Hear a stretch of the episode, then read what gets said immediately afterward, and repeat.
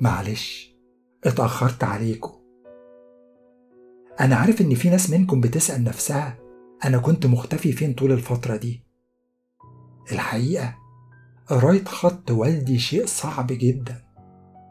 وبرضه برضه أنا عملت حاجة ما كانش المفروض أعملها. سبقتكم في القراية. قريت شوية لوحدي من غيركم بعتذر لكم. الموضوع ده مش هيتكرر. دلوقتي هقرا لكم الأجزاء اللي قريتها لوحدي من المذكرات رغم إنه عارف إنه هيبقى صعب عليا إني أعيش الأحداث المكتوبة فيها تاني. طبعا بعد فشل إني أمسك جورنال نص الليل المحطوط على عتبة جاري قررت إني أهدي اللعب شوية. قصدي إن في الوقت الحالي مش هتدخل ما بين الجورنان وبين الشخص اللي المفروض يوصل له. أنا حاسس إن الجورنان عارفني. وعارف إني حاولت أوقفه قبل كده والنتيجة؟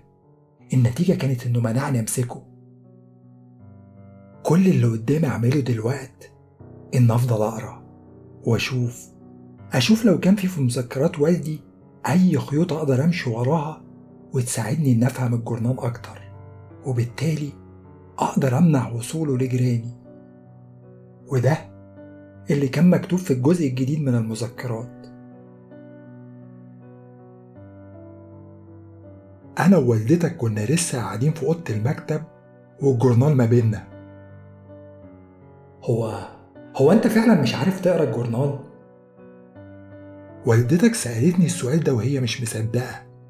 وقتها حتى بعد ما حكيت لها قصتي مع سيحة واضح إنها كانت فاكرة إني ألفت الموضوع كله إني كنت بشتغلها وإن أنا زيفت نسخة جورنال نص الليل اللي وصلت بيتنا عشان أسبك الاشتغالة. في الحقيقة كنت بتمنى إن يكون ده اللي حصل فعلا.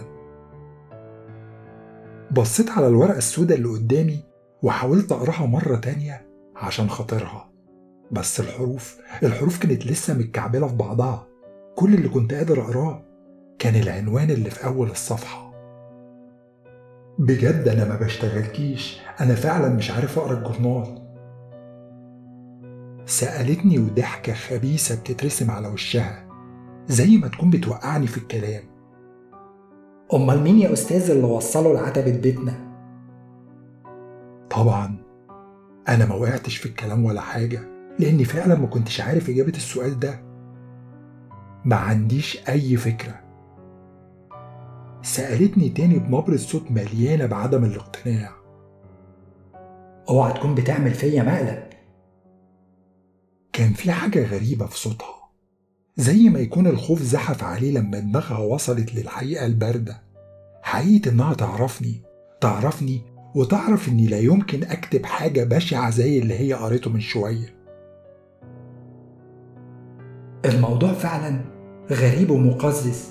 مين صاحب الدماغ المريضة اللي هيخترع قصة عن أسر أفرادها بيقتلوا بعض؟ هزت لها كتافي. ومين برضو اللي هيخترع قصة عن حاجة زي رأس الشجرة؟ على فكرة سيحة قال لي إن الجورنال بيظهر فجأة وإن المقالات اللي فيه بتتحقق. والدتك ابتسمت نوع الابتسامة اللي معناه دلوقت أنا اتأكدت إنك فعلا بتشتغلني. بس أنا أنا ما كنتش ببتسم. أنا بطلت أبتسم من ساعة ما والدتك ابتدت تقرأ الجورنال وهي هي عمرها ما شافتني بالشكل ده. غير في الأيام الصعبة. الأيام اللي كنت بفتكر فيها الحرب وبفتكر سيحة والشباب اللي شفتهم بيموتوا قدامي. ما اتكلمناش عن الجورنال كتير بعد كده. كل اللي عملناه إننا لفيناه وحطيناه جوه كيس بلاستيك ورميناه في الزبالة ونسيناه. كنا مشغولين جدا وقتها كان سهل جدا إننا ننسى. أنت كان عندك مدرسة وإحنا كان عندنا شغل. دوامة وإرهاق الشغل والقلق على المستقبل كفيل إنه ينسيك أي حاجة. دلوقت لما كبرت في السن وبقيت وحيد وما بشتغلش الموضوع بقى مختلف. ما بقيتش بعمل أي حاجة غير إني أفكر غير إني أفتكر. صدقني لو قلتلك إني بتمنى إني أقدر أنسى وبتمنى إن البيت ما يبقاش فاضي عليا كده. ما يبقاش فاضي عشان ما يرددش صدى أفكاري وذكرياتي ويرجعهم لي تاني. بس برضه أرجع وأقول أحسن إن أنت مش موجود معايا. الموضوع كان هيبقى خطر جدا عليك. عشان عشان أنا كمان بيجيلي جورنال نص الليل. بعد أيام قليلة من وصول عدد الجورنال الأولاني كنت أنا ووالدتك قاعدين في السرير بنتفرج على التلفزيون. والدتك كانت بتحب تتفرج على أفلام. كان عندها عشرات من شرايط VHS بتاعت الفيديو. كانت بتحب أفلام الخيال العلمي بالذات. أي حاجة فيها عوالم موازية أو كائنات فضائية أو سفر في الزمن الأفلام اللي من النوعية دي. كانت بتقعد في السرير وعينيها متركزة على شاشة التلفزيون الصغير وطبق الفشار في حجرها. وابتسامتها الجميلة البريئة مالية وشها. أوبا الفيلم هيسخن. لما كنت أرفع وشي عن الكتاب اللي بقراه عشان أبص على الشاشة كنت بلاقي واحد بيستعد عشان يدخل آلة الزمن أو سفينة فضاء داخلة جوه ثقب دودي أو عالم مجنون بيجرب على نفسه مصل هيحوله لدبانة أتمنى إني كنت أفضل فاكرها بالحالة دي على طول. وبتمنى كمان إنها كانت تبقى معلية صوت التلفزيون أكتر عشان ما نسمعش التلات دقات اللي دقت على باب بيتنا. بس هي هي للأسف ما كانتش تقدر تعمل كده عشان أنت كنت نايم في الأوضة اللي جنبنا. وبالتالي سمعنا الدقات. كان مستحيل ما نسمعهاش. اللي كان بيدق على الباب كان بيدق بطريقة تخلينا نسمع الدقات في أوضتنا بكل وضوح. معرفش لو كنت عارف الدقات دي أو سمعتها قبل كده على باب بيتك هتفهم اللي أنا أقصده. بس أتمنى أتمنى إنك ما تسمعهاش. والدتك كانت عاوزة تتصل بالشرطة. كانت معتقدة إن اللي بيوصل الجورنال شخص مجرم بيحاول يرهبنا. بيتهيألي قصدي أنا عارف إن كان عندها حق بس في الآخر قررنا إننا ما نعملش كده. الشرطة لو ما قدرتش تقرأ الجورنال زي ما حصل معايا أكيد مش هيصدقونا. هيفتكروا إننا مجانين ومش هيعرفوا يقدروا حجم المشكلة اللي إحنا فيها. ما كنتش عارف أعمل إيه. كنت عاوز أرميه بس والدتك والدتك قالت إنها هتقراه. قالت إننا لما نقرأ الجورنال يبقى في احتمال إننا نعرف إيه أو مين اللي بيعمل كده. قالت لو الجورنال بيوصل لنا عشان سبب معين السبب ده مش هنعرفه. إلا لما نقراه. وافقتها في الحقيقة كان في جزء مني ماليه الفضول عشان يعرف المكتوب في العدد الجديد من جورنال نص الليل. بس دلوقت دلوقتي بتمنى إني ما كنتش عملت كده. كل ما أفتكر اللحظة دي كل ذرة في كياني في الوقت الحاضر بتصرخ في نسختي في الماضي بتصرخ فيها عشان ما تخليش والدتك تقرأ الجورنال بس طبعا نسختي ما سمعتنيش. بفتكر وأنا بفتح الباب وبدخل الجورنال جوه البيت وبديه لوالدتك. دخلنا أوضة المكتب وقبل ما نقعد والدتك قفلت باب الأوضة بالمفتاح. حتى في الوقت ده كانت عارفة إن الجورنال خطر وإن المفروض ما يكونش ليك أي صلة بيه. طيب طيب إحنا لو حاسين بالخطر والخوف إيه اللي خلانا نكمل؟ إيه؟ اللي خلانا نقراه؟ معرفش. لغز ملوش تفسير. ممكن يكون ده تأثير الجورنال؟ إنه بيجذب الناس جوه دوامته الرهيبة؟ بيزود الفضول ويخليه يغلب الحكمة؟ والدتك قطعت الدبارة اللي حوالين اللفة السوداء والجورنال فرد نفسه بالراحة قدامنا وبعدين مسكته وابتدت تقرا نشرة أخبار بين قوسين غريبة على قناة تلفزيون محلية. حالة من الارتباك تسود قناة تلفزيون محلية بعد بلاغات متعددة عن بث تلفزيوني غريب يبث في نفس وقت إذاعة أخبار الساعة السادسة على قناة تلفزيونية المحلية. المشاهدين أكدوا إن البث بيبتدي بعد الفاصل الإعلاني العادي في القناة. في نفس الوقت اللي المفروض تبث فيه أخبار الساعة السادسة. السيد فراغ واحد من سكان المدينة اللي حصلت فيها ظاهرة البث الغريب بيقول في الأول شكلها كان زي نشرة الأخبار العادية بس أنا كنت حاسس كنت حاسس إن في حاجة مش طبيعية وده طبعا لما شفت مقدم الأخبار ولقيته شخص مختلف. أنا طبعا أقصد إن أستاذ فراغ هو اللي بيقدم النشرة من سنين. وعلى فكرة لوجو القناة كان مختلف برضه. كان مكتوب أخبارك بدل أخبار فراغ. بس طبعا مقدم الأخبار واللوجو ما كانوش هما الحاجتين المختلفين بس.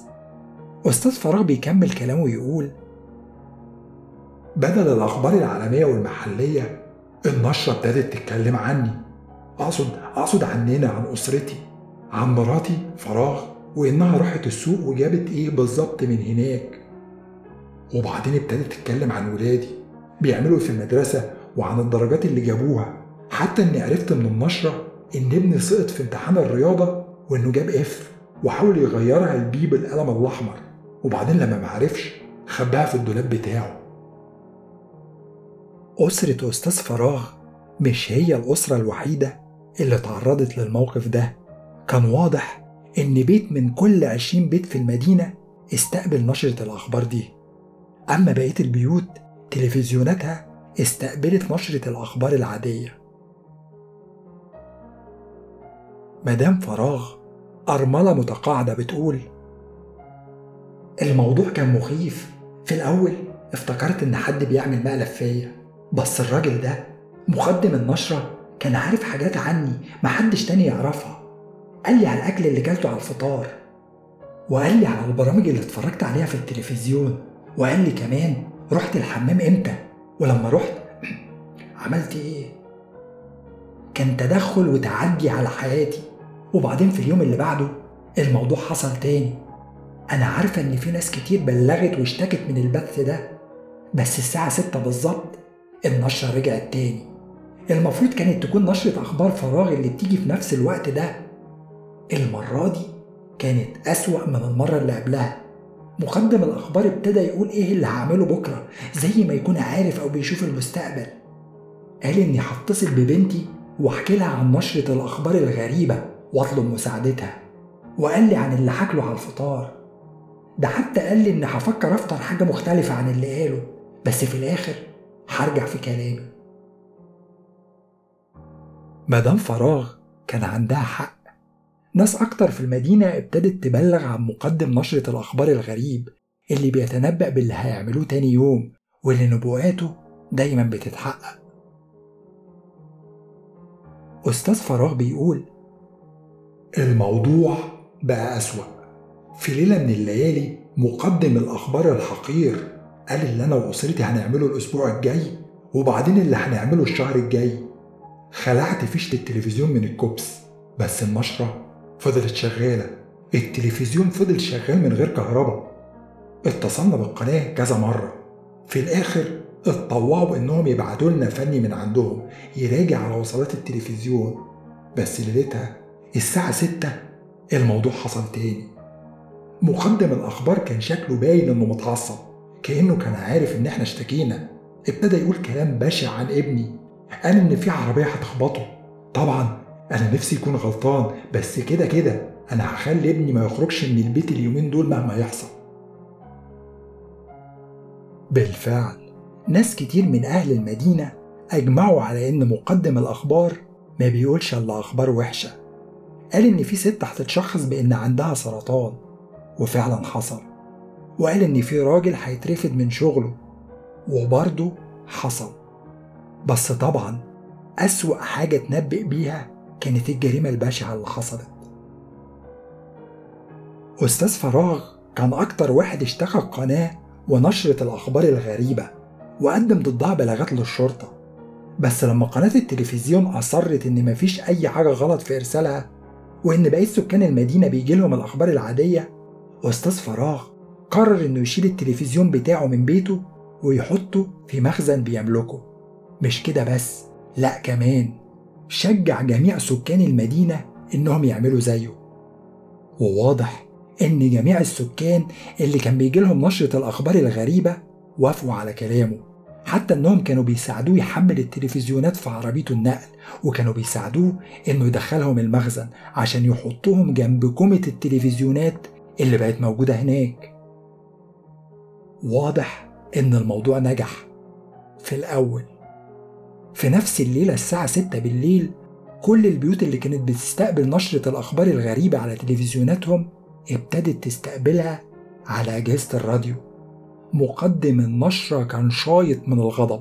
في الأول ابتدى يقرأ تاريخ ووقت وسبب وفاة كل واحد بيسمعه وبعدين قال لهم كل واحد فيهم هيعمل إيه بالتفصيل في الساعات الجاية.